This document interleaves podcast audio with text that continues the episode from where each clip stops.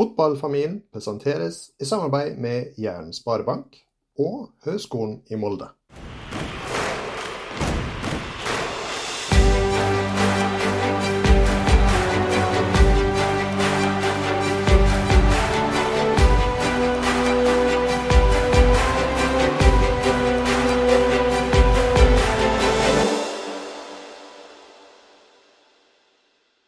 Velkommen til Fotballfamilien, en podkast for deg som er glad i fotball. Mitt navn er som alltid Anders Ofer Gjerseth, og oppe i Molde så sitter du Sanna Gjerseth. Eh, hvordan går det? Er du full gang med studiene? Ja, nå er det fullkjør. Det er bra. Du, eh, du har jo invitert eh, en gjest i dag som eh, jeg gleder meg enormt til å høre fra. Ikke minst fordi at han eh, står eh, toppen av pyramiden for det mest omdiskuterte eh, temaet i fotballverdenen for tida. Så uten noen videre introduksjon fra min side, så ønsker jeg hjertelig velkommen til deg, Terje Hauge. Tusen takk. hyggelig å bli invitert inn på denne poden her. Jeg gleder meg. Ja, vi gleder oss, vi òg. Vi har, eh, må si det at dommere de virkelig engasjerer, eh, som jeg sa til deg før vi starta opp her. Eh, det har vært eh, utrolig mange spørsmål som har kommet inn da vi lanserte at du skulle være med oss. Så vi skal lure inn noen eh, lyttespørsmål også underveis. Ja, Men eh, Terje, du er jo dommersjef. Ja, det stemmer. Jeg er veldig heldig som får lov å jobbe på fulltid med mitt eh, store, store eh, Hva skal jeg si Jeg brenner for uh, fotball. Jeg brenner for fotballdømming. Å få lov å jobbe med min hobby på full tid, dommeryrket, det er et privilegium som jeg er veldig glad i. Ja. Du har jo vært med en stund. Kan du bare liksom fortelle litt lytterne om din bakgrunn og hvor lenge du har holdt på og veien opp dit du er i dag? Ja, jeg tror alle sammen kjenner seg litt igjen. At man begynner å spille fotball eh, syv år gammel, og så eh, kommer man inn i ungdomsalderen og eh, skal satse. Og når man skal satse, så er det ikke alltid går som planlagt. Og hva skal vi si? Jeg var den som var kaptein på laget mitt 15-16 år gammel og ble veldig skuffa hver gang vi tapte og måtte ha noen å skylde på. Og det ble ofte dommeren. Eh, fikk masse gule kort for usportslig oppførsel og eh, mitt språkbruk. Eh, og treneren kom til meg og sa du ødelegger for laget, Terje. Når du mister fokus, så mister jo hele laget fokus. Så det er nesten sånn at vi har tapt fotballkamper. Og eh, treneren min sendte meg på dommerkurs. Ikke det at jeg skulle bli en fotballdommer, men lære meg regler og lære meg rollen og komme tilbake som en bedre fotballspiller. Og eh, det ble jo til at jeg eh, begynte å dømme fotball litt grann, når dommerne ikke kom. Og, eh, og eh, fikk eh, gode tilbakemeldinger. Og det er klart at når du er en ungdom på 15-16 år og får tilbakemeldinger, du får en klapp på skulderen, de syns dette går bra, så vokser du som ungdom. Du vokser som en 16-åring og syns dette ble veldig veldig spennende. og Dermed så var det slik at dommerrollen tok meg mer og mer, og etter hvert fant fotballkretsen meg og satte meg inn på talentgrupper. og Fotballforbundet var inne i en tid de lette etter unge talenter. og kom veldig fort inn i Norges Fotballforbund. Og ja, her er jeg i dag. Det har vært en fantastisk og spennende reise. Og eh, har vært heldig og har en stor fotballfamilie i Norge gjennom de arenaene jeg har vært på. Mm. Jeg må jo få lov å si det, det er to ting. Det ene, eh, jeg må kanskje si unnskyld, for jeg har nok helt sikkert stått på tribuner i min ungdom og kauka alt mulig slags galskap eh, når du har dømt mot mitt lag. Eh, det må jeg bare erkjenne, så det skal jeg bare legge meg flat for. Men eh, det jeg tenker da, er jo litt sånn, Du har jo en ganske merittert karriere før du kommer inn i denne stillingen du er nå. Eh, hvor mye på toppnivå har du dømt? Jeg har ikke helt oversikten. Nei, jeg har vært en eh, fra Jeg debuterte i Eliteserien den gang, Tippeligaen i 1988. 89, og så avsluttet jeg i 2010 med 300 kamper i Eliteserien. Og var med 18 år i Uefa og en ca. nesten ja, 47 kamper i Champions League. En 200 kamper totalt med A-kamper, eh, klubbkamper eh, og ungdomskamper og mye mesterskap eh, for Uefa og Fifa. Så det har vært som sagt en veldig spennende reise å få være med på. Det har gått utrolig fort. Så jeg prøver å si til alle mine dommere enjoy the moment. Nyt hver Mm. kamp, nyt hvert øyeblikk. Og eh, fokuser på akkurat dette øyeblikket her uten å tenke for mye fram eller tilbake. Det er veldig viktig på en spennende reise innenfor idrett. Mm. Det er ikke mange dommere som har en eh, bedre merittliste enn det der. Ja, vi har de, men eh, vi har de som har eh, en merittliste på, på tromme meg. Men det, det, viktigste er gjerne at når jeg tenker tilbake, så er det gjerne ikke merittliste, det er gjerne heller ikke kampene, men det er alle øyeblikkene man får med gode venner, gode kollegaer. Alt fra reiser til inngang til kamper, til avrundinger av fotballkamper. Man sitter igjen og husker best i etterkant, faktisk. Dommermiljøet. Så Det er ikke det vi skal legge mest fokus på, men jeg kan jo tenke meg at det er kult å dømme store spillere som Thierry Henry og, og sånne spillere. Er det noe du kan sitte igjen og, og fortelle til, til, yngre dommere og, og, være litt stolt over, eller er du stille på det? Jeg er veldig stille på det, og jeg tenker ikke så veldig mye over det, faktisk. Men uh, det kommer unge gutter til meg fremdeles i dag og spør har du dømt Messi. Og når jeg sier ja, han har jeg dømt et par ganger, så får jo man stjerneblikk. Og da plutselig kanskje går det opp for meg òg. ja, det er jo en kjempespiller, en stor profil som alle vet det. Og jeg er jo heldig som har fått lov å dømme de store profiler ute i Europa den gangen. Men jeg tenker ikke så veldig mye over det i dag, nei. Det, det gjør jeg ikke. Vi skal bevege oss over i dagens første spalte, som handler om relasjoner. Spalten presenteres i samarbeid med Jæren Sparebank. Det er som vi sier det på Jæren, det er jabbene som drar. Jeg syns på en måte det var en litt sånn god overgang, da, for nå eh, bevegde du deg egentlig litt sånn inn på temaet. Eh, og før jeg følger opp eh, det du nettopp sa, så har jeg bare lyst til å spørre deg, hva tenker du når du hører ordet relasjoner?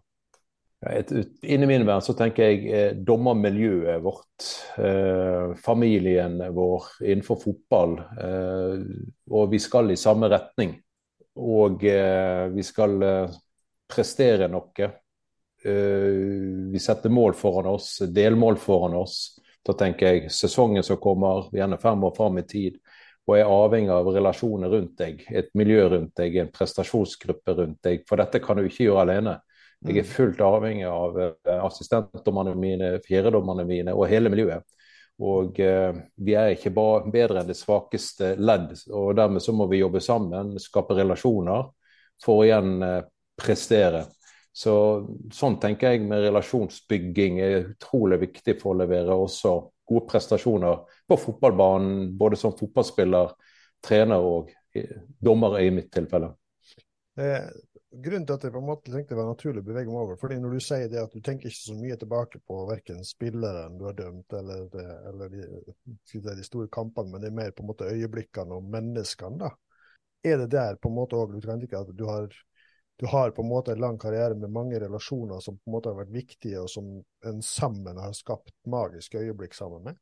Ja, det er absolutt riktig beskrivelse. Dette her med magiske øyeblikk la med kollegaer, som igjen fører til eh, relasjoner, eller relasjoner fører til magiske øyeblikkene. Mm. Der vi drar i samme retning, vi setter samme mål, og eh, takhøyden er alltid høy.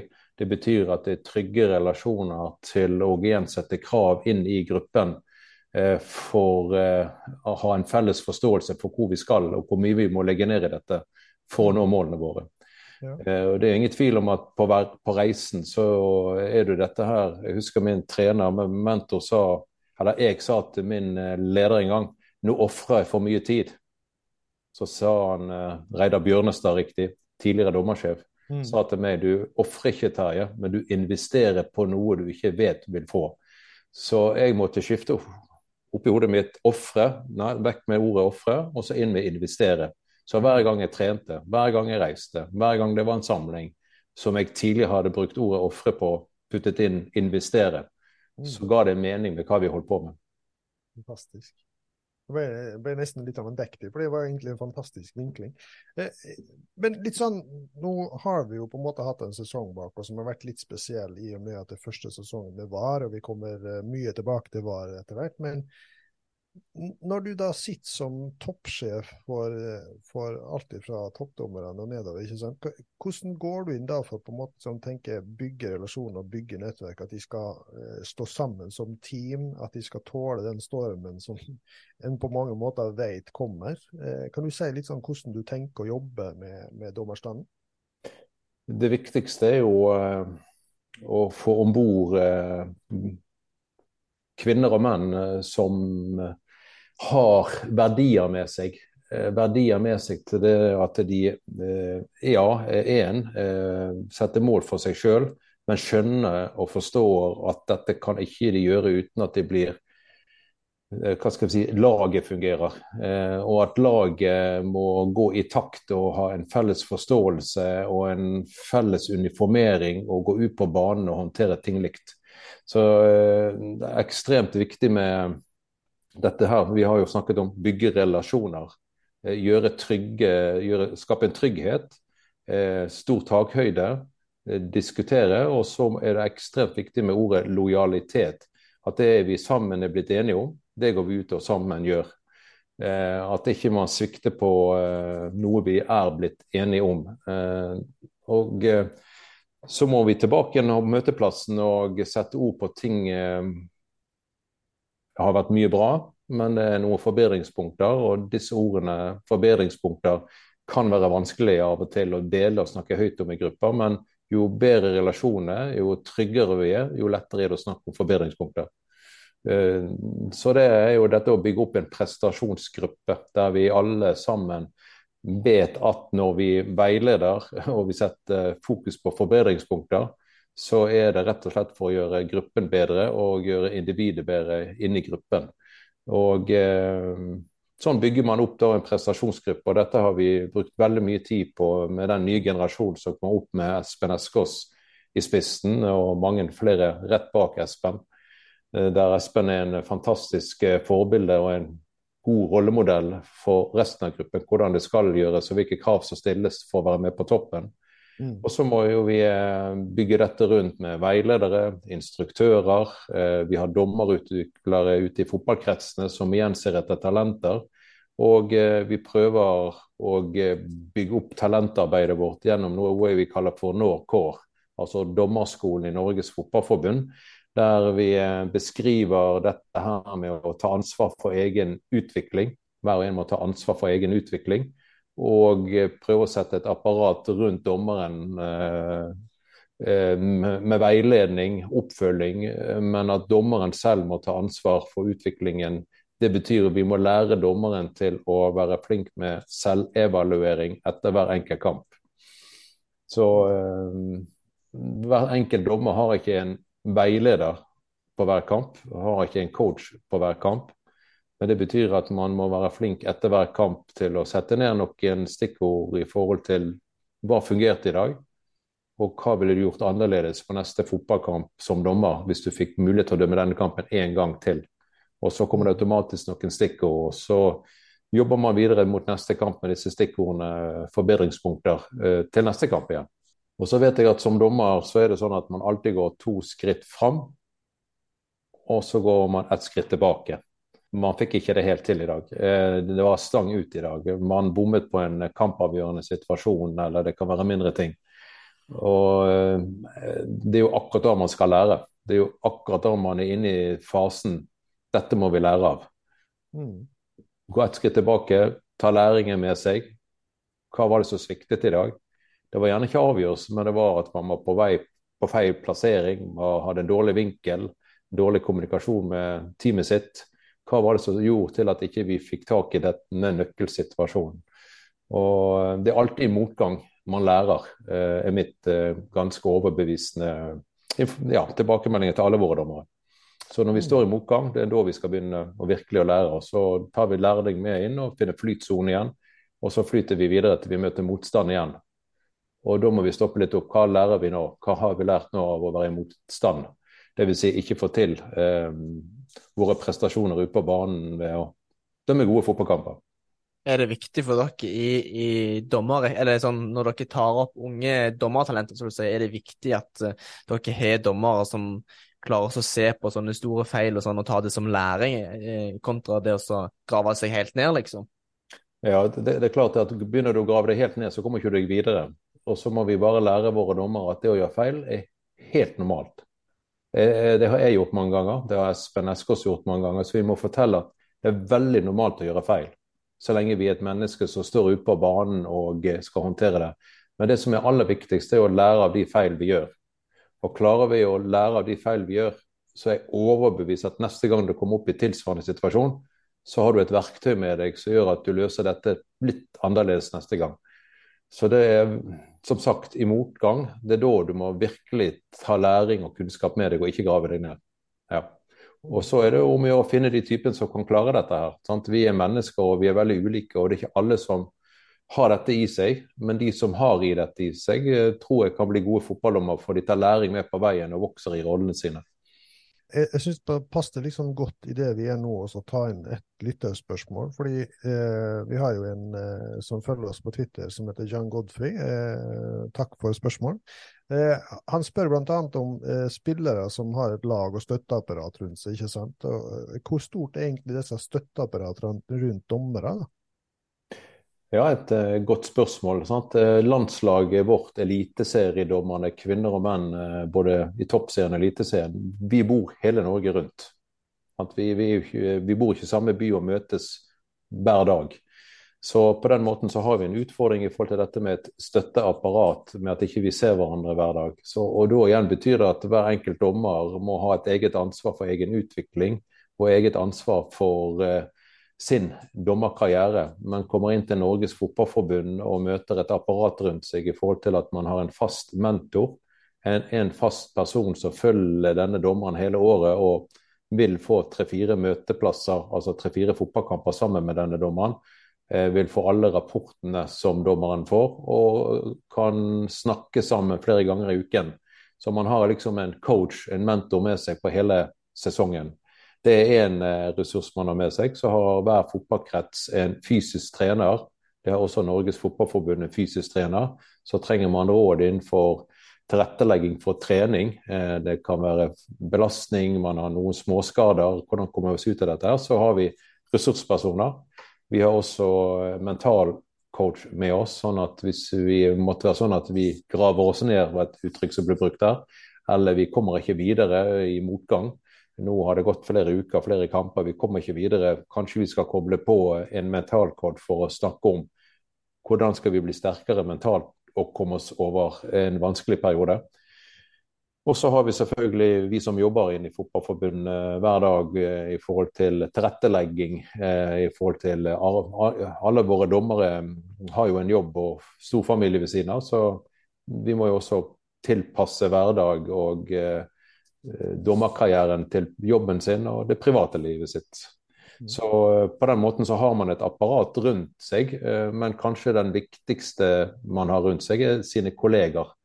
Eh, tilbake til min karriere. Den viktigste ressursen jeg hadde, var kanskje mine assistentdommere og teamet mitt, som snakket hver dag. Eh, alt fra hva vi opplevde, til hva vi skulle til, og hva skal til for å komme oss gjennom neste kamp på en god måte. Så de beste supporterne eller beste medspillerne er kanskje egne team der ute. Eh, og spesielt i Eliteserien når vi har satt opp faste team. Mm. Ja, så Det er sånn at eh, dommeren har sine faste team som i stort sett alle kamper, både eh, innenlands og utenlands? Ja, i Eliteserien så er det slik at alle Fifa-dommerne våre og de aller beste har faste team. Eh, og så etter hvert så vil vår hoveddommer ha en fast assistentdommer hele tiden. Mm. Eh, og så eh, har man også en eh, gruppe på tre-fire stykker som stort sett er med samme dommer hele tiden. slik at ja, vi kaller dette faste team, selv om det er en tre-fire assistentdommer som går innom samme hoveddommer. Mm. Så da blir det jo åpenbart viktig, som du sier, med, for det husker jeg Espen Eskov også var veldig opptatt av, det med for å ha takhøyde og muligheten for å snakke om de feilene en gjør, og være litt sånn sjølkritiske så var det viktig med den der tryggheten, og da blir selvfølgelig også det med relasjonsbygging helt sentralt. Ja, så tilbake til relasjonsbygging og det enkelte team. At her må vi være trygge på hverandre. Mm. Og til tider så er vi kanskje mer sammen med assistentdommerne og teamet enn vi er kanskje med kone og kjæreste hjemme. Mm. Eh, At det kommer virkelig nær hverandre. Mm. Og da må vi også være trygge på hverandre og um, ja, på den måten privat kjent med hverandre. At noen stunder så trenger man tid for seg sjøl, og noen stunder så er det sosialisering og full fart i teamet. Så her blir man virkelig godt kjent med hverandre. Men igjen, eh, har man skapt gode relasjoner, så uh, finner man ofte de man trives best med eh, som faste team.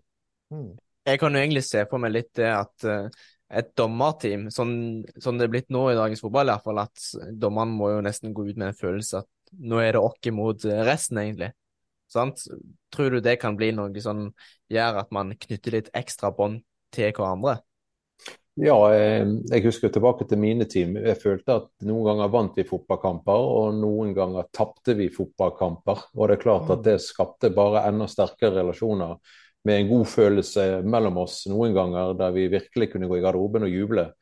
Og noen ganger gikk vi i garderoben og deppa sammen som ett team. og hver gang var det om å gjøre å holde på flytbølgen videre, eller hvordan skal vi komme oss opp fra dalen og inn på flytbølgen igjen. og Da kom vi veldig nær hverandre. og Da måtte vi også, når de byttet litt imot, tåle at vi snudde mange steiner for hva skal til å komme oss videre. Så vi kom virkelig nær hverandre som et dommerteam.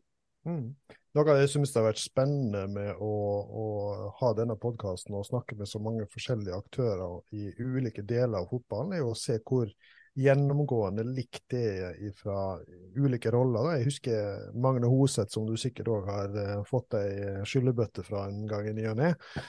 Sa jo på en måte når vi snakket med han at noe av det viktigste verdien han satte og snakka med sine spillere om, var lojalitet. Litt sånn i forhold til det at vi, vi drar lasset sammen, og vi vinner sammen og vi taper sammen. Og det, når du snakker nå om ditt team og, og, og, og dommerteamene, så får jeg liksom den samme vibben. Det er de samme kreftene og det samme styrken og det samme samholdet som ligger også i dommerstanden. Mm. Og jeg tror sånn på uh, Dette lojalitet har jeg nevnt her, og det er et sterkt ord, og det er viktig å ta med seg på denne reisen. Men dette her med å vise omsorg for hverandre. Hvis du viser omsorg for dine kollegaer, så får du omsorg tilbake den dagen du mm. trenger det. Mm. Hvis du ikke viser omsorg til dine kollegaer rundt deg, så er det vanskelig å gi deg tilbake igjen. Så dette her å lære å bry seg om hverandre, lære å gjøre hverandre gode, lære å gi omsorg når man trenger det i motgang, så blir du tatt godt vare på den dagen du trenger det. Og den dagen kommer. Eh, noe som flere eh, lytterspørsmål har vært inne på, så, så, er det liksom i forlengelsen av det vi nå snakker om. da, eh, Disse diskusjonene og argumentene som har vært fra mange hold i forhold til å, å, å skape helprofesjonelle dommere. Eh, er det noe som dommerne sjøl ønsker, og hva er eventuelt argumenter som er imot? Alle dommerne ønsker nok å bli profesjonelle. Eh, og vi har jo en dommerforening så vi sitter jevnlig og diskuterer strategivalg videre. Her i Norge så har vi nesten 100 dommere på kontrakt. Dvs. Si at man får en 15 kampers honorar utbetalt i forkant pluss en liten profesjonalisering i bunnen, som eh, betales ut hver måned. Det betyr igjen at eh, eh, skulle man bli skadet, så har man en garanti på 15 kampers utbetaling. Eh, det unike i Norge er at Dommerforening og Norges Fotballforbund ønsker å gå veldig bredt ut og favne over 70 stykker og legge pengene på 70 stykker. Hvis vi går til Sverige, så har vi seks profesjonelle dommere våre midler som går til 70-80 dommere, kunne sikkert gjort ti dommere profesjonelle. Mm. Men fellesskapet i Norge ønsker å gå bredt ut og uh, kle opp alle dommerne og definere dette til arbeidstakere i forhold til uh, forsikring, i forhold til pensjonspenger, i forhold til ryddige rammer og vilkår å dømme under. Så man har begynt bredt, og så blir dette en pyramide oppover vi kommer til toppen, Espen Esker, så har nok han en 50 %-stilling i dag. Mm. Og eh, alle våre toppdommere ligger i 30-40-50 %-stillinger. Eh, og man ønsker å bli profesjonell, men samtidig så ønsker man også å ha noe å gå til. Eh, man har et yrke, Og eh, vet at mister man yrket og erfaringen innenfor dette yrket, så kan det være vanskelig å komme tilbake igjen. Mm. Eh, vi vet fra Sverige at er man 100 profesjonell, så har man gjerne ikke kollegaene sine i hverdagen som man hadde en jobb å gå til, kolleger å gå til, en hverdag å gå til, og gjøre andre ting enn bare fotballdømming. Mm. Eh, så vi diskuterer det. Men det kom en dag vi har profesjonelle dommere i Norge.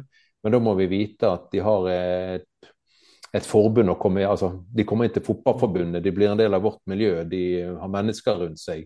Og ikke blir gående alene som profesjonelle dommere og trener alene, reiser alene, men mm. har mennesker rundt seg. Det er tilbake til relasjoner igjen, og et miljø igjen. Og det gir en mening å jobbe hardt over tid. Kan det ikke være litt bra det at eh, Eller jeg syns jo det absolutt at dommerne kanskje fortjener å være 100 eh, dommere, men samtidig tenker jeg kan det ikke være litt bra at eh, de har, som du sier, en annen jobb å gå til med andre kollegaer, der de faktisk eh, kan se, se, fra andre kollegaer som eh, den de er, så de kan faktisk se at det er mennesker de er, litt som at andre kan få litt andre synspunkter på dem. Ja, og de fleste dommerne våre trives med dette her, å være hva skal vi si, semiprofesjonelle, som vi kaller dette her. Være en halv stilling inne som toppdommer og ha en halv stilling i sivile jobber. Eh, og ha en hverdag å gå til.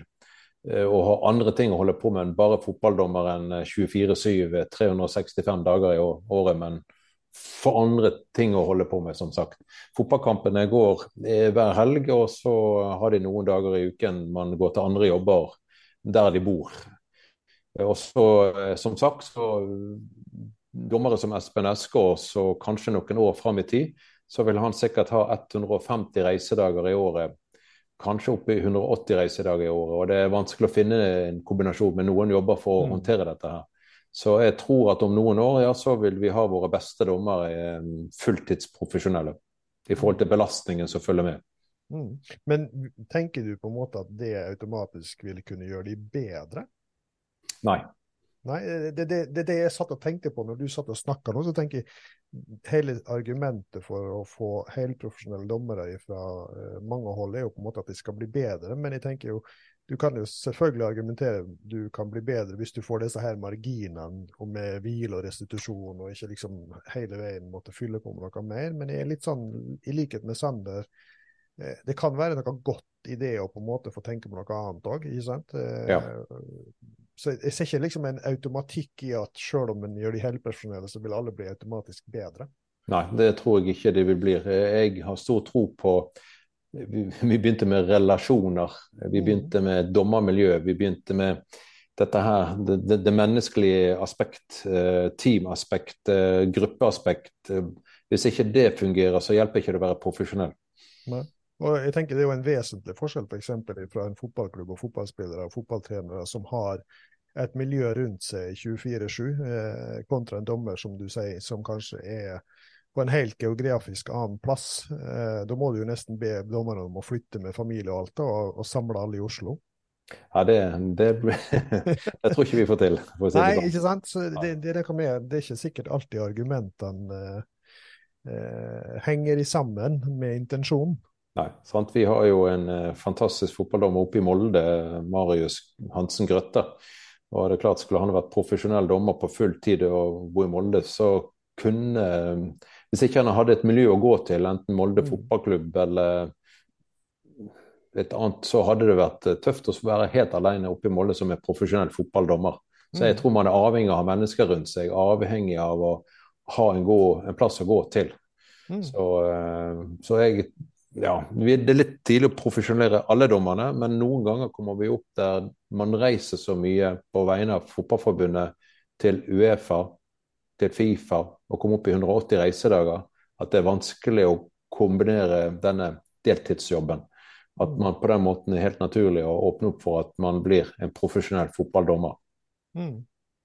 Jeg har jo lyst til å spørre deg òg når vi er inne på temaet relasjoner, i forhold til relasjonene til spillere, trenere og andre aktører da, eh, i eh, fotballfamilien. Eh, hvordan opplever du på en måte dialog og relasjon er med de ulike klubbene og spillere og trenere?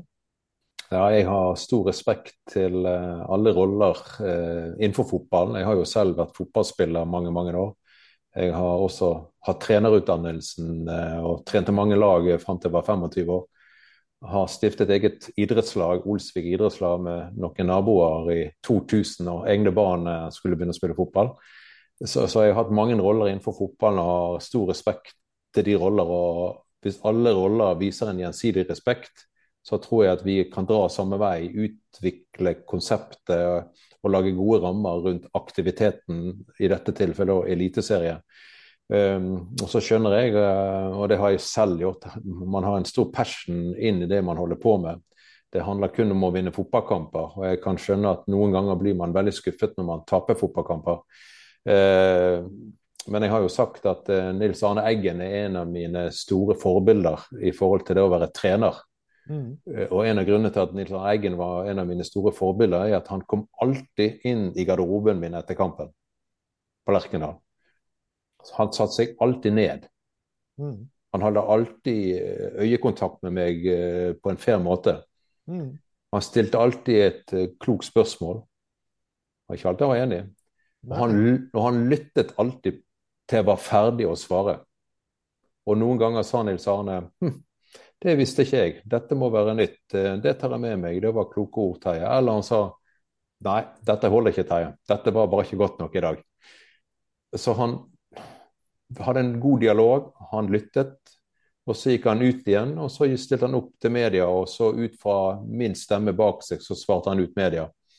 Og da kunne jeg tåle veldig mye kritikk fra Nils Arne Eggen. Jeg kunne tåle stor passion fra han, fordi han alltid ga seg tid til en samtale til meg før han uttalte seg. Og um, Det skal være rom og plass for passion, eh, engasjement, eh, ytringer. Men det viktigste, som Nils Arne alltid gjorde når jeg forlot Lerkendal Terje, takk for kampen. Velkommen tilbake til Lerkendal. Og Så levde den kampen videre der og da på Lerkendal, mens man alltid følte seg velkommen tilbake til en ny kamp senere på Lerkendal.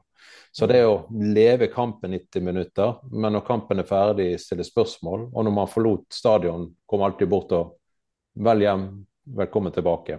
Da mm. føler man at ja, det er rom og plass til et engasjement. Det er rom og plass for ytringer og frustrasjon og litt skriking og litt roping, og det hører fotball med. Mm. Eh, når man kan takke for kampen etterpå og eh, ønskes velkommen tilbake ved en senere anledning. Mm dette minner meg svært mye om det jeg er blitt eh, oppvokst med, og at det skal være på fotballbanen. At eh, på, på fotballbanen da kan vi være eh, fiender eller motstandere, mens utenfor da er vi kompiser. Ja.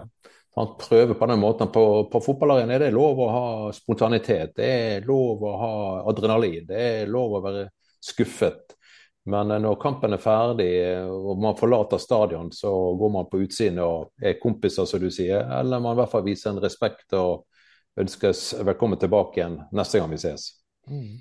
Vi må jo nesten, eh, Sander, eh, gi en liten sånn shout-out til Kjell Høyen. Jeg vet ikke om du husker Kjell Terje? Jeg vet at han har hatt kontakt med i sin tid. Han er jo gammel fotballdommer på elitenivå sjøl. og Eh, han er jo eh, vært en som på en måte Sander han er mer eller mindre vokst opp i så nesten hjem nummer to. Og gjennom det eh, Vi reiste jo mye på bortekamper når eh, vi trente laget til guttene våre. så han har jo på en måte egentlig eh, gjennom det og de relasjonene som vi hadde, klart å på en måte utvide mitt perspektiv på dommergjerningen i vesentlig grad. Eh, for det har noe med på en måte når du skjønner kompleksiteten i rolla, og det var noe vi snakket med Espen Eskås om, så er det litt sånn som Sander sier, du får det litt eh, inn med skal ikke si morsmelka for min del, men iallfall Sander fikk jo det. da, At han eh, nesten sånn fikk det litt i ryggmargen. Og det tror jeg er utrolig viktig. da, At en har en sånn type dialog og, og våger å gå inn og på en måte liksom prøve å se roller fra flere sider. Mm. Så er det jo litt sånn som du sier, at engasjementet er jo der likevel, og følelsene får du jo. så Det er jo mange ganger jeg får på pukkelen av uh, Sander når vi sitter til fotballkamp sammen, fordi at det river meg i håret over dommeravgjørelser. Men, men, men, eh, det er noe med å ikke på en måte da nødvendigvis sette deg ned og klimpre på et tastatur eller uh, uh, før du liksom har fått roa ned og tenkt deg om. og det det er det du hører, Når du snakker om Nils Arne Eggen, så høres det liksom, det er det høres ut for meg. da, At en roer seg litt ned, setter seg ned, snakker sammen når pulsen er kommet litt ned. og Da er det lettere også å forstå hverandre på en bedre måte. Ja, og respektere at eh, på fotballbanen eh, så handler dette veldig ofte om opinion of the referee, opinion of the eh, coach. Altså man har sett samme situasjon med to forskjellige typer vinkler og har to forskjellige oppfattelser. Mm. Det er jo det som gjør fotball genuin eh, og helt fantastisk. Mm. At vi har sett det samme, men mm. har to forskjellige oppfattelser av ting. Mm. Så det, fotball er herlig. Det er ja. i hvert fall helt sikkert. Ja. Til glede og frustrasjon. ja. Før vi går over til neste spalte, så har jeg et sånn uh, siste spørsmål knytta til uh, det vi nå snakker om med, med temperatur, tilbakemeldingskultur, relasjonsbygging osv. Fordi det siste ja, to månedene så har jeg merka meg på en måte en litt sånn jeg vet ikke om det er en ny tendens, men jeg har iallfall merka meg spesielt spydspissene i landet og de topptrenere som eh, kommer ikke bare liksom med frustrasjon over en dommeravgjørelse, men det er nesten litt sånn tirader. Eh, det er nesten mer eller mindre radbrekke hele prestasjonen. Eh, og ikke for å ta Kjetil Knutsen på noen som helst måte i forhold til andre, men det er liksom det siste eksempelet da, eh, fra kampen nå sist. Eh, og jeg tenker jo det at du får jo ofte et kamera rett opp i trynet rett etter kamp. Adrenalinet er høyt. Sånn at media har jo på en måte en rolle her. Men hva tenker en som dommer, som dommerteam, som dommersjef da, eh, i forhold til den type tilbakemeldingskultur? For det er veldig annerledes enn det du beskriver med Nils Arne Eggen, som kommer inn og setter seg ned og tar det rolig. Ja da, og eh, Nils Arne Eggen kunne sikkert ytre der og da underveis i fotballkampen, men han kom i hvert fall inn i garderoben med stor respekt og satte seg alltid ned, og vi fikk til alltid en dialog. Eh, der har helt sikkert dagens trener i Eliteserien et forbedringspunkt. Eh, hvordan man møter dommeren etter kampen eh, under kampen. Hver kamp lever sine liv, så, så det får nå gå. Men eh, der har som sagt eh, dagens trenere et forbedringspunkt. Jeg er veldig sikker på hvordan man møter dommerne etter kampene, og møter dem med hvilepuls. Og eh, sitter seg ned, eh, stiller spørsmål og gir rom og plass til at dommeren kan forsvare, ikke forsvare seg, men forklare seg. Eh, og eh, prøve å skape en forståelse hva ligger til grunn for denne avgjørelsen i dag. Og det er lov å være uenig. Det eh, hører litt fotball med. At vi har sett samme situasjon og er uenige. Men likevel en innsikt på hva som ligger til grunn for, for denne avgjørelsen. Ja, UEF, det, er ingen, det er ikke uten grunn til at Uefa har løftet opp akkurat dette temaet her dom, eh, trenerens rolle i teknisk område, at eh, nå er det på tide å stramme til. Nå er det på tide å si null toleranse. Nå er det på tide å reagere i forhold til disiplinære reaksjoner underveis i fotballkampen og umiddelbart etter fotballkampen. Så Uefa har løftet opp dette tematikket som det store fokusområdet i sesongen som kommer i internasjonal fotball. Og dette her er jo noe som vi i norsk fotball absolutt vil følge opp eh, gjennom retningslinjer inn mot, 19, nei, mot 2024, når vi skal gjøre oss klar til en ny sesong. At vi ser tendenser som ikke er så bra. Og eh, det, disse 90 minuttene opptreden på teknisk område til hvordan man eh, opptrer rett etter fotballkampen.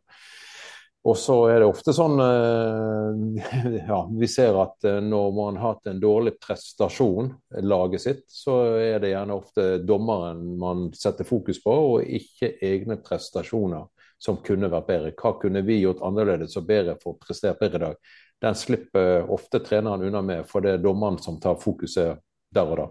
Mm. Men jeg tror det er taktisk fra treneren for å kanskje slippe unna eh, og forklare hvorfor det gikk dårlig med eget lag. Så her må jeg utfordre media litt til å kanskje stille de rette spørsmålene. Mm, absolutt. Eh, jeg, jeg, kom på et lite spørsmål til slutt på tampen, da, før vi går over på neste spalte. Eh, er det også litt av grunnen til at vi legger merke til at det blir flere kort til benken i år enn ja. tidligere? Ja, så det vil komme flere altså Uefa løft, altså Vi, Norges Fotballforbund, følger Uefa sine guidelines. Spillereglene er globalt, men akkurat når det gjelder kriterier og retningslinjer, fokusområder, så har vi valgt å følge Uefa. Og her har de bestemt seg å nå virkelig stramme strikken i forhold til trenerens opptreden, eh, som er heller ikke er inne i kampen. de står på siden og ser kampen, at her er det større eller mindre rom for eh, protester, eh, reaksjoner og nulltoleranse for, eh, ja, for ytringer mot dommer. Så dette vil vi nok se i internasjonal fotball i ukene og månedene som kommer, og dette er noe vi tar med oss til norsk fotball i, i 2024. Syns du dette her er for, for seint at de kommer inn, eller syns, eller, eller syns du her er på tide, liksom? Eller Eh, syns du det er et fint tidspunkt for det her? For jeg tenker jo sånn, eh, med tanke på Jeg som selv har vært liksom bekymra for eh, dommerrekruttering og sånn for framtida, med, med, yngre dommere som kanskje blir litt nervøse av alt som eh, kommenteres og skjer rundt om. altså hva tenker du rundt det? Nei, det, det, er klart det at eh, Jeg har jobbet i Hordaland fotballkrets som eh, dommerutvikler i, fra 2000 til 2015. Før jeg begynte i Fotballforbundet som dommersjef i 2015. Så de årene jeg jobbet i fotballkretsen og hadde ansvar for dommerne i Hordaland, så så jeg det at når vi fikk sånne hendelser i Eliteserien og fikk et par runder med ytringer mot dommeren, så faktisk fulgte bølgen ned til breddefotball. Og vi fikk mange hendelser i breddefotball uh, der trenerne, kanskje foreldrene, begynte å kritisere dommerne og ta tak i dommerne på en uheldig måte. Så eh, Våre beste trenere eh, er forbilder og må eh, være bevisst ved å utføre rollen sin, altså det å være rollemodell. Eh, for hvis ikke man er bevisst for det, så gir dette her noen signaler til breddefotball at det er helt innenfor. Og dommerne ute i breddefotball er ofte alene. 16 år, 17 år, 18 år alene og får skyllebøtter. Da skjønner jeg at noen slutter å dømme fotball. Dette var lite gøyt. Jeg har min egen datter som begynte å dømme fotball 15 år gammel og dømte noen kamper og fikk skyllebøtter. og la fløyta veldig fort på hylla si. Dette vil ikke være med på, pappa. Så nei, dette, da er det lite kjekt. Ja. Eh, da skal jeg bare legge til på slutten før vi går sikkert over til neste, nei, neste spalte. og det er det at når jeg var jeg som trener, så hadde jeg stort fokus på det at sånne unødvendige og spydige kommentarer til dommer, det skal vi ikke ha noe av. Nei. Jeg skal bare en liten, en liten stikkord til eh, her til dere. Jeg har jo fått vært heldig og dømt gode fotballag ute i Europa. Og jeg er overbevist på at de beste beste fotballag, Barcelona til ett, de var på flytsone og vant, vant veldig mye. Når jeg dømte Barcelona eh, i de årene her, det var ikke ett eneste protest til meg. Det var alltid hva kan vi gjøre nå? Neste arbeidsoppgaver i laget vårt nå. Eh, og hele tiden jobbet og jobbet og jobbet. Og jobbet, og var det noe kontroversielt i Granstid, så kom kapteinen opp og sa I fix it, uh, you uh, konsentrer deg på dine oppgaver, og vi går tilbake til våre oppgaver. Mm. Så uh, jeg tror at de beste lagene har mye å vinne ved å ha fokus på det de kan gjøre noe med, og ikke dommeren. For tilbake til når jeg protesterte litt. Når først noen blir revet med og protesterer på dommer, så er det lett å rive flere med på laget. Og så mm. faller man fra 100 og ned til 80 prestasjon. Og så mister man viktige faser av kampen. Mm. Det er jo hvor du kanaliserer energi. Ja. Eh, vi skal bevege oss over til neste spalte, som skal handle om motivasjon og utvikling. Spalten presenteres i samarbeid med Høgskolen i Molde på mange måter så blir jo det eh, flytende overgang, for vi er egentlig litt sånn inne i det allerede. Eh, det har kommet spørsmål knytta til det med dommerrekruttering og hva han på en måte kan gjøre for å, å få flere dommere. Jeg syns egentlig på mange måter du er i ferd med å svare, eh, bl.a. på det med å, at de har noe på en måte som gir mening, og som det ikke handler om på en måte bare å bli stilt til spott og spe, men at du faktisk også skal oppleve det som gøy. Men er, er, det noe annet dere gjør litt sånn systematisk for å prøve å på en måte få god rekruttering inn i, til nye dommere? Ja, altså, eh, Vi har noe som heter kvalitetsklubbprosjekt i Norge. Eh, her eh, prøver vi å sette fokus på utdanning inni hver enkelt fotballklubb.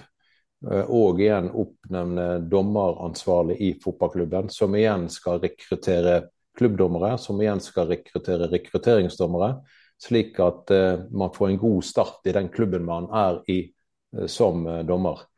Og De fleste klubbdommerne i klubben er jo også fotballspillere. sånn at jeg tror at hvis man som 14-åring, 15-åring tar klubbdommerkurs og tar og spiller litt fotball, dømmer litt fotball, så vinner man på det som fotballspiller, for man ser et større bilde.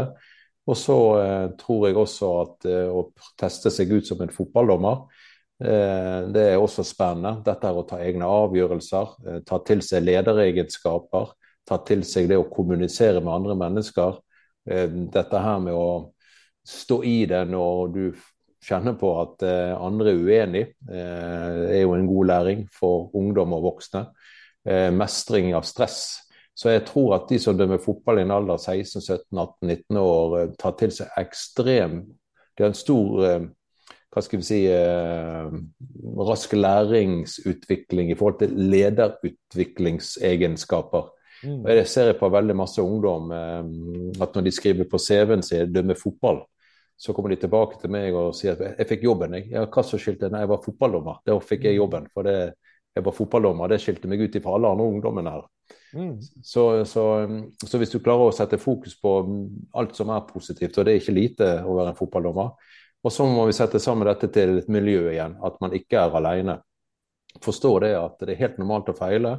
Det er helt normalt å eh, eh, hva skal vi si, være skuffet når man ikke får ting til. Og så må vi sette fokus på det. Og eh, når man mestrer, må man gi tilbakemeldinger, få klapp på skulderen. Kanskje vi kunne vært mye flinkere både som trenere og foreldre og andre som ser fotballkamper. Får en dommer det virkelig til der, så må vi ut til dommerne og takke. Det er lett for at vi går ut og kritiserer, men skal vi bli flinkere og gå ut og gi en klapp på skulderen wow, dette var bra dømming i dag. Der har vi helt sikkert også et potensial hele fotballen til å gi en tilbakemelding for eh, de gode prestasjoner òg som finnes ute på fotballbanen. Og så igjen, eh, som jeg sa, kvalitetsklubb. Eh, klubben tar ansvar. Og så må kretsen komme på banen og samle dommerne på tvers av klubbene. Og ha jevnlige møter, alt fra fysisk trener kaller det inn til trening. Eh, dommerutvikler kaller det inn til eh, fagkvelder. Eh, og på den måten skaper man et miljø, og så finner man kollegaene sine. Og så begynner man å gå mer og mer med sine hjemgamle eller kollegaer man trives sammen med. Og så begynner man å bygge relasjoner, som vi har allerede snakket mye om. Og Begynner man å bygge relasjoner, så kommer man inn i et miljø der nei, jeg trives så godt her at her vil jeg være. Noen ganger lurer jeg på om jeg skal slutte å dømme fotball, men så finner man ut at men da mister jeg jo faktisk mine venner her. Nei, jeg fortsetter som fotballdommer. Og da har man gjort noe riktig i dette med klubb- og kretssettet. Så dette jobber vi med for å skape som sagt miljøer, skape relasjoner mellom dommerne for å igjen gjøre at her har vi lyst til å være over tid og utvikle oss. Både som individ og som gruppe. Hvordan syns du klubbene eh, jobber litt sånn i forhold til rekruttering?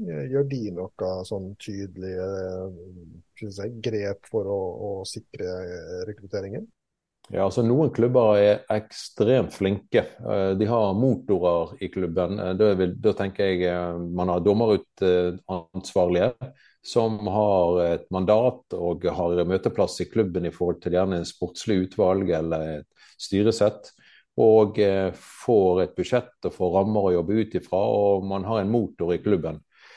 Og eh, da tror jeg også at man eh, lettere rekrutterer og lettere tar vare på når man har et eh, apparat og man har en enkeltperson som favner over unge dommere. Og så må man eh, møte på tvers av klubbene og utveksle erfaring. Og her ser jeg at noen klubber svikter. Eh, lener seg litt til de klubbene som er flinke med rekruttering og tar vare på dommerne. Um, og eh, noen klubber eh, har ikke denne motoren i klubben som andre klubber har. Jeg tror de bryr seg om dommerne, men mangler den ressursen som må til for å rekruttere og ta vare på dommerne. Mm.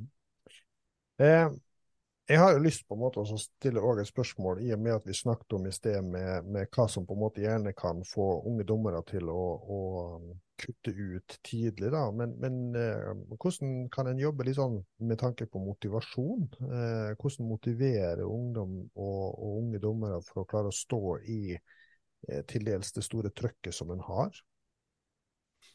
Ja, eh, i Hordaland fotballkrets, jeg må litt sånn tilbake, når jeg jobbet i Hordaland fotballkrets, så så vi det at har man trygge rammer rundt fotballkampen, så var det mer fair aktivitet ute på banen. Når jeg tenker trygge rammer, da tenker jeg at gjerne trenerne sto på én side, foreldrene på en annen side. Vi hadde kampverter hele tiden på plass som ønsket dommerne velkommen når de kom til eh, garderoben. Eh, kom til dommerne i pausen og lurte på om alt var i orden. Og etter kampen eh, gjerne fulgte de av eller sjekket ut at alt var på, på plass.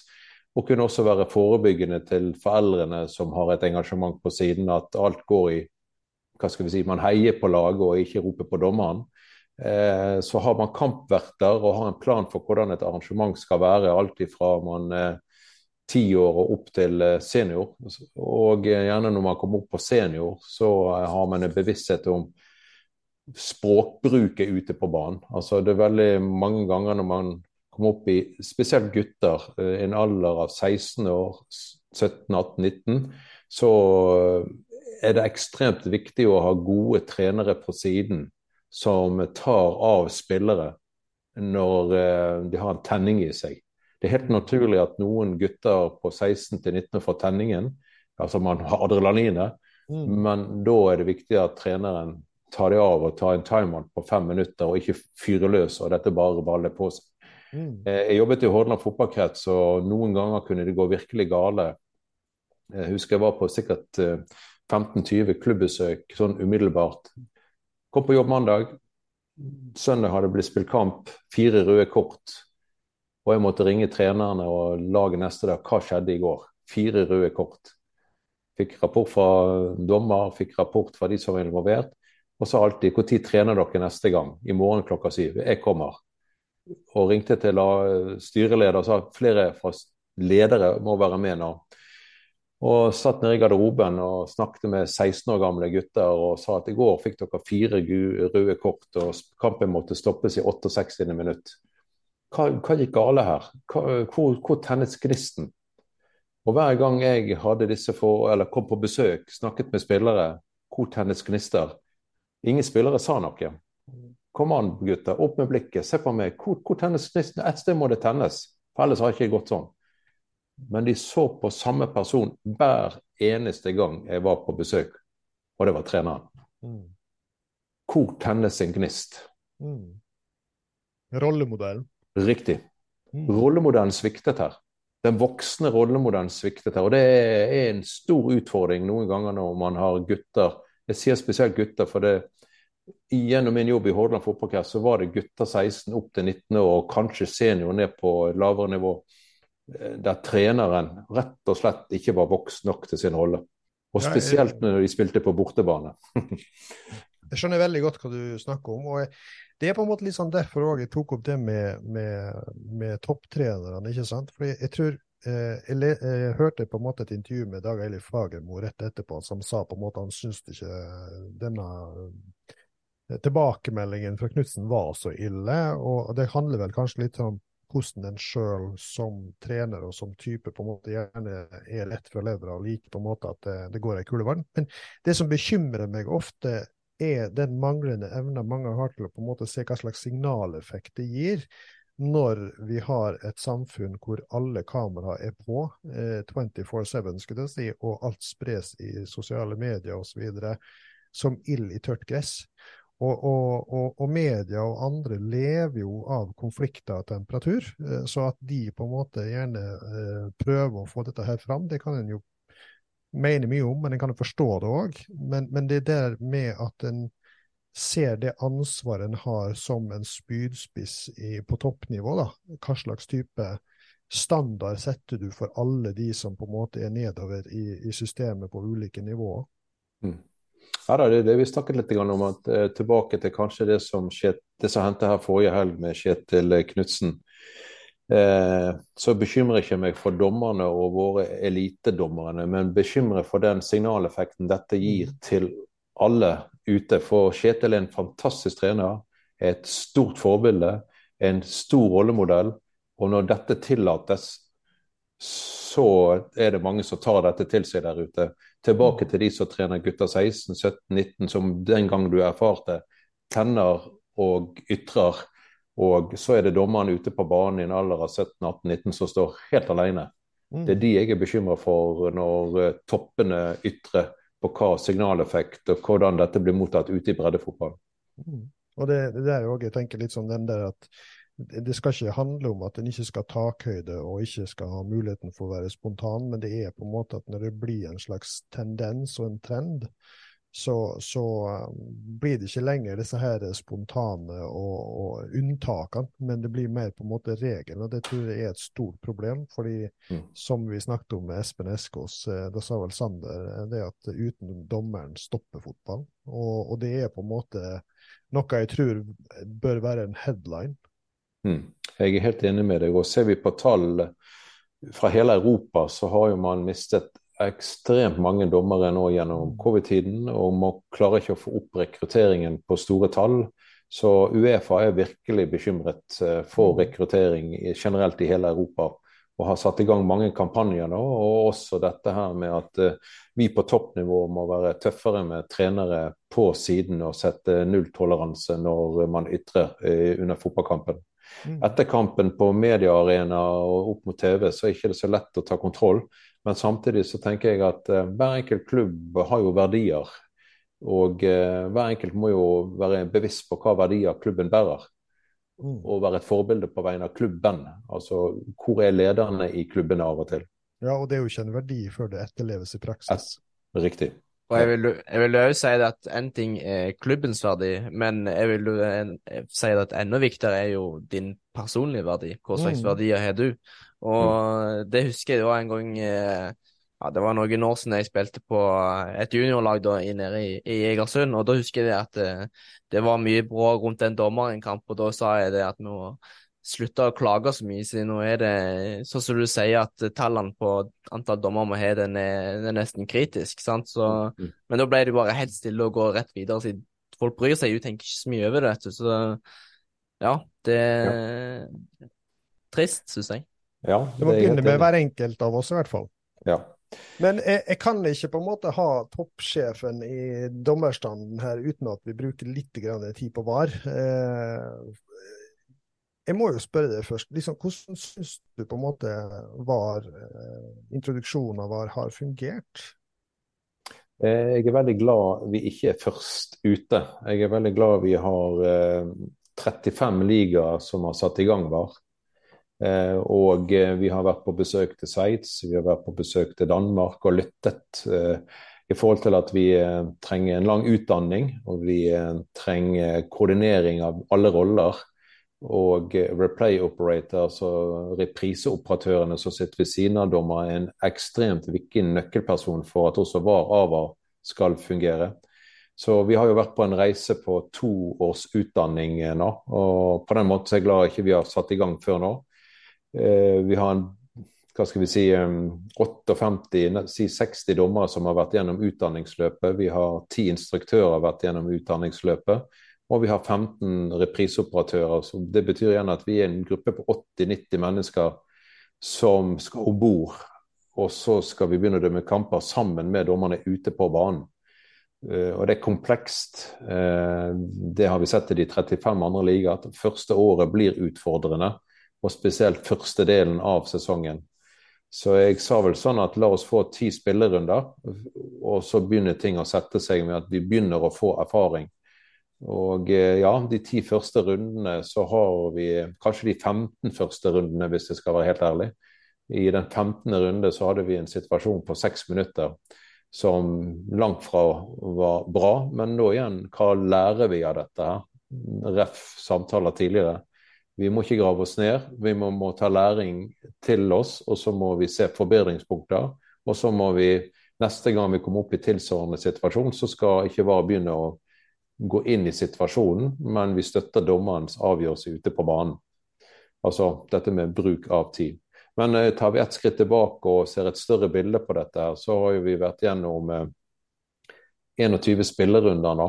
Eh, VAR har vært involvert 32 eh, ganger eh, i forhold til on-free review og faktainformasjon. Det gir et snitt på hver femte kamp Altså Hver femte kamp har VAR vært inne og gjort om avgjørelsen ute på banen.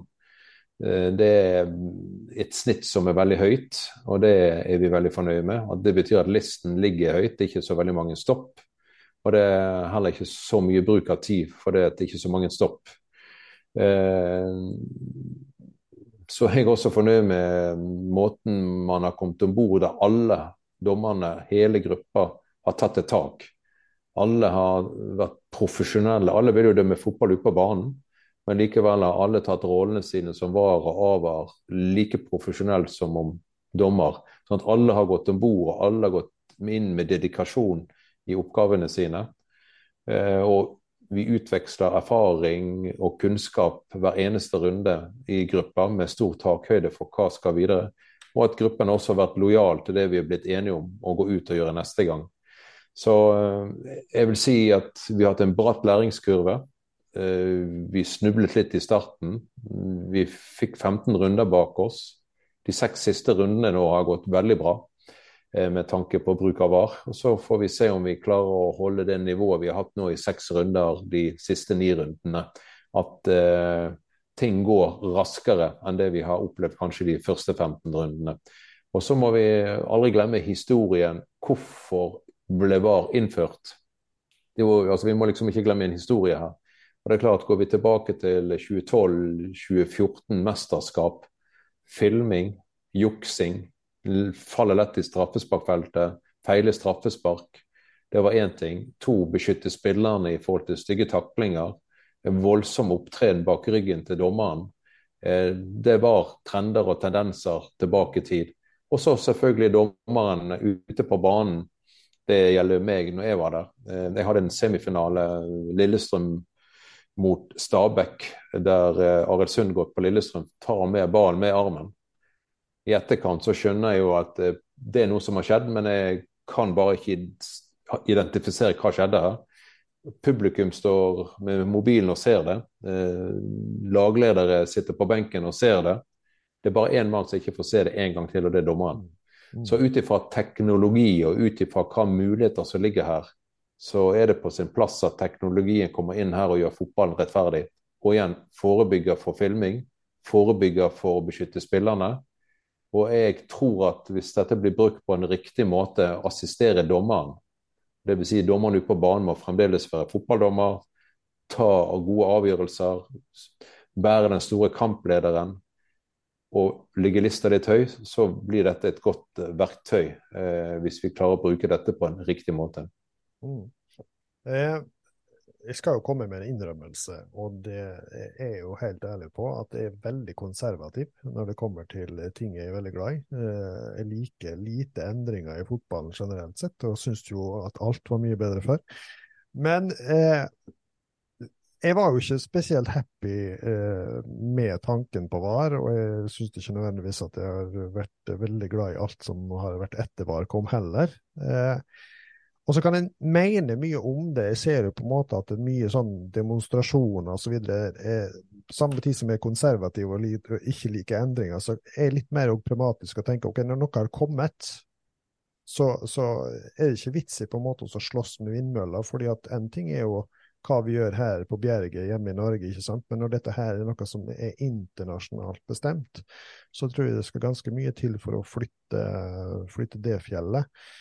Eh, men, men, det som jeg ikke helt klarer å forsone meg med enda, eh, jeg kan skjønne på en måte liksom hvis vi hadde mållinjeteknologi f.eks., som er en sånn åpenbar ting som, eh, som ville skapt en mye større rettferdighet når du klarer å ta alle de tingene. Eh, og jeg kan også se, Hvis vi ser tilbake på Molde Galatasaray over to kamper nå, sant, så er det en offside-situasjon som eh, blir tatt, som eh, er ganske klar ut ifra regelverket, og som selvfølgelig eh, er grei. Eh, og det er andre situasjoner også som blir tatt av straffesparket, og, og som også er liksom ganske klink. Men det er samtidig fryktelig mange sånne litt sånn 50-50-situasjoner som fortsatt blir en slags tolkning av mennesker. da, Skjønner du hva jeg mener? Om det er mm. VAR som tolker, eller om det er dommer på banen som tolker, så, så er det fortsatt det der med Det er mennesker som ser en situasjon, og vi ser dem forskjellig. Og, og, og, det der er på en måte litt sånn sliter litt med å følge tanken på hvordan dette her rettferdighetsprinsippet helt ut skal forstås. Mm. Fordi at en fortsatt sitter på en måte kjenner på en slags eh, forskjellsbehandling fra kamp til kamp, eller situasjoner i kampen, hvis du skjønner hva jeg mener? Mm. Ja, og det, det skjønner jeg hva du mener. Og så blir det slik at eh, dommerne vil jo alltid ha gode kamper og dårlige kamper, som alltid har vært, så lenge vi er mennesker.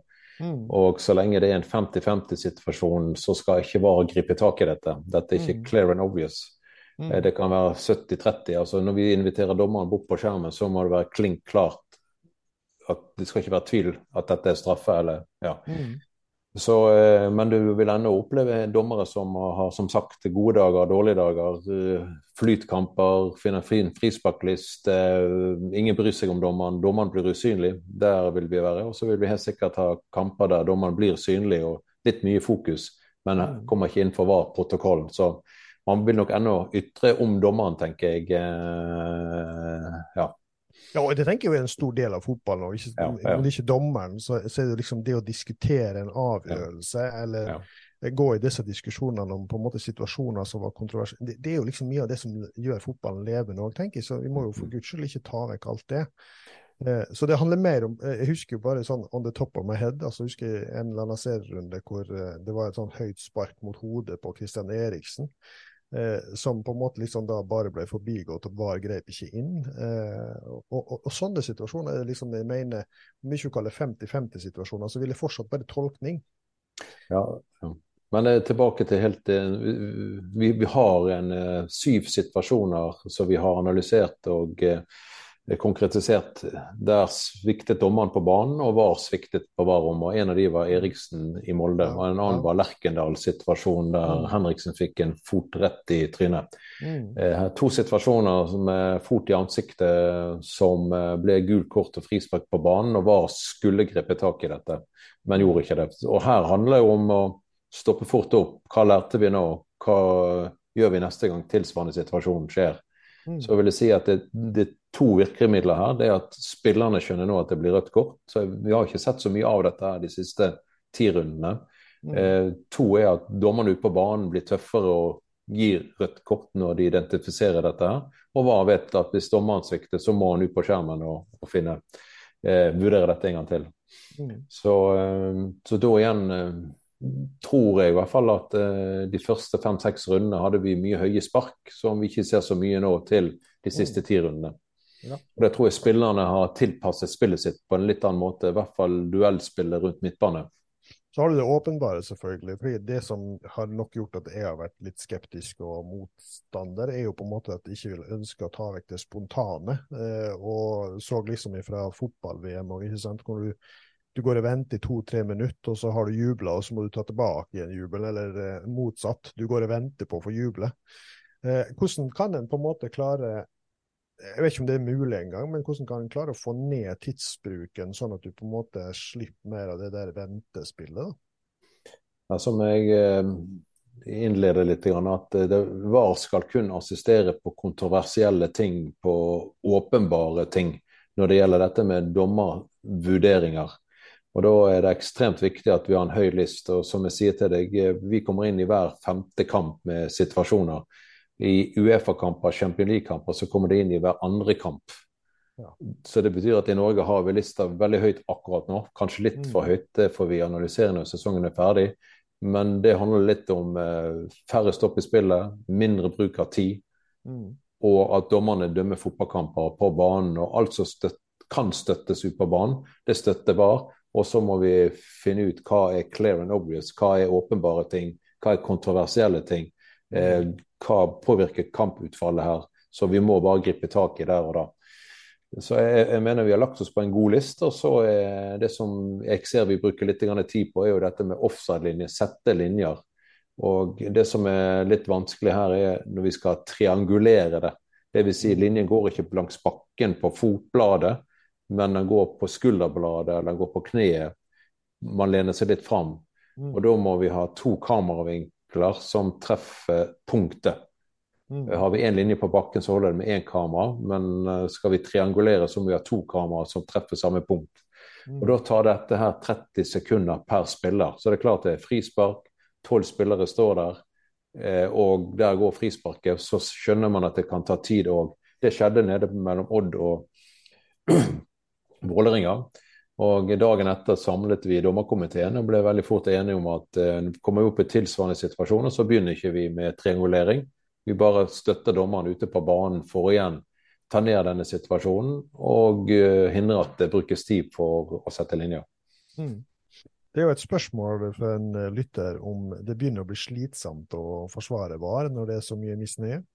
Nei, jeg skal ikke forsvare VAR, men eh, annet enn du er litt inne på det selv når Fifa løfter dette opp, og Uefa løfter dette her opp Dette kommer inn i alle mesterskap, dette kommer inn i alle klubbmesterskap. Eh, dette kommer inn i 35 fotballigaer. Dette her er standarden til internasjonal fotball.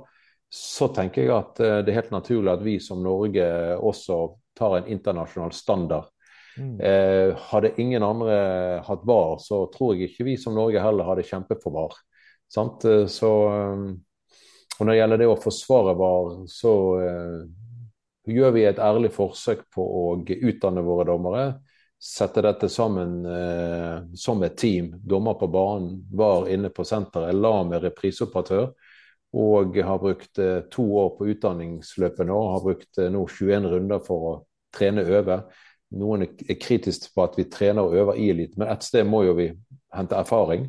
Mm. Eh, og første sesongen stort sett i alle ligaer er med masse ytringer, masse turbulent, eh, masse små fallgruver, før man kommer opp og har den erfaringen man trenger for å skape en stabilitet, en mm. forutsigbarhet for alle som er glad i fotball.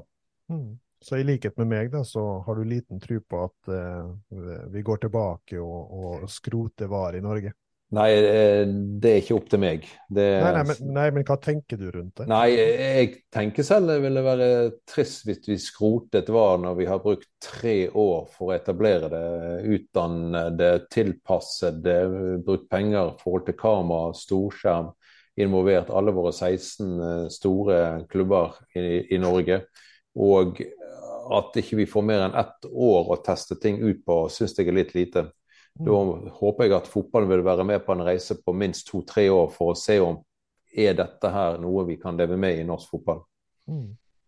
Tålmodigheten til folk i dag er vel kanskje ikke den største alltid. Eh, jeg har et siste spørsmål som kommer på regelverk når jeg først har deg her, og det er hands-regelen. For den er jo også en stadig tilbakevendende diskusjon i ja. alle serierunder. Og den er noe som eh, Nå sitter guttungen og rister på hodet, for dette her diskuterer vi jo veldig mye. Jeg er drittlei. men, men, hva er egentlig eh, hands og ikke hands? Nei, hvis jeg kan si det sånn at Nå kommer jeg fra Uefa-samling en uke. Og mm. det jeg ser Uefa vil innføre nå, og har innført denne sesongen, som vi i Norge vil innføre fra 24, er at det vil bli færre hands. Sånn overordnet. Ja. Uh, Uefa sier vi blåser for mange hands. Det blir for mye straffespark. Det er jo interessant. Ja, det er jo interessant. Bare, bare for å begynne der. Sånn at eh, jeg er overbevist på at uh, i 2024 så vil vi se færre eh, hands-situasjoner enn det vi ser i 2023. Men tilbake regelen er jo en gang sånn at all forsettelighet er jo fremdeles hand. sant? Armen søker ballen. Eh, så er det slik at det som fremdeles er hands, er at hvis armen gjør kroppen unaturlig større, så må spilleren ta konsekvenser. Og det er spesielt eh, hvis spilleren står i ro. Så hvis spilleren står i ro og armene kommer godt ut fra kroppen, så um, må uh, spilleren ta konsekvenser når det er skudd mot mål, uh, ved at ballen går i armen. Mm. Og så uh, er det helt sikkert nyanser her. Det som kanskje er den største hva skal vi si, diskusjonen, er jo de, når, når ballen har en def, deflekt, altså han gjør en deflection fra spiller til spiller, eller fra kne opp i armen, Mm. så vil vi se at det blir færre hands akkurat på dette.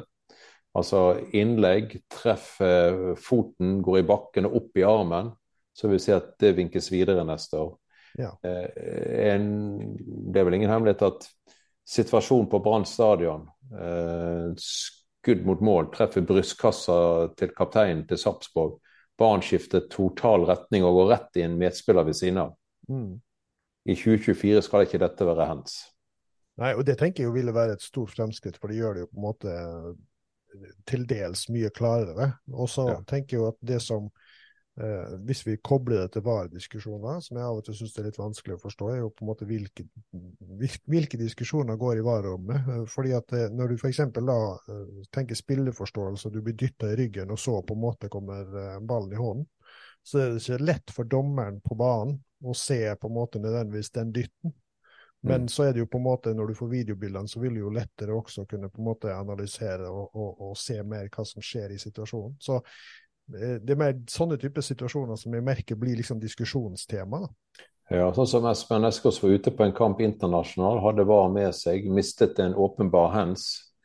Eh, blir kalt opp på skjermen, men på veien bort så blir han også informert om at eh, se duellen i forkant, blir han dyttet, skal det eventuelt vurderes frispark utover. Så Espen går bort, ser, eh, klar hands, men ja, han får et dytt i ryggen i forkant, og armene går ut, og det blir tilbake en frispark til det forsvarende laget og utover. Så ved hjelp av bilder så vil vi også kunne avsløre kanskje det du beskriver, at man blir dyttet først, armene går ut, naturlig traff ballen, men vi må se på første forseelse først.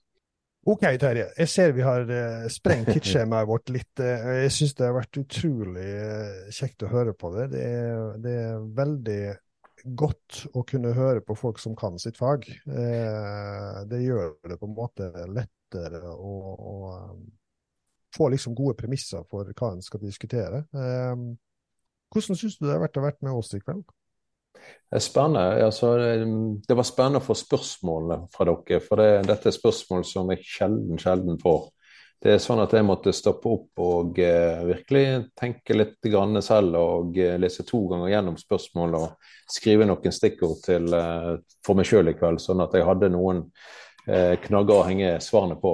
Eh, det gir jo en refleksjon gjennom hodet mitt eh, til en bevissthet på hvem er vi og hvem er vi her for? Og Mm. eh, vi er et lag, og eh, laget står alltid foran det enkelte individ. Men likevel er vi avhengig av individene for å få laget godt. Så det komplekse i eh, idrett og sport, og i dette tilfellet fotball. Så en spennende, spennende rød linje eh, på det vi snakker om her i kveld. Jeg håper jo på en måte at eh, noen av eh, klubbene kanskje hører på, for kanskje kan de få litt nye tanker i forhold til både holdningsskapende arbeid og, og, og mer dialog med dommerstanden. Sander, Ja. har du eh, lyst til å ta avrundingen?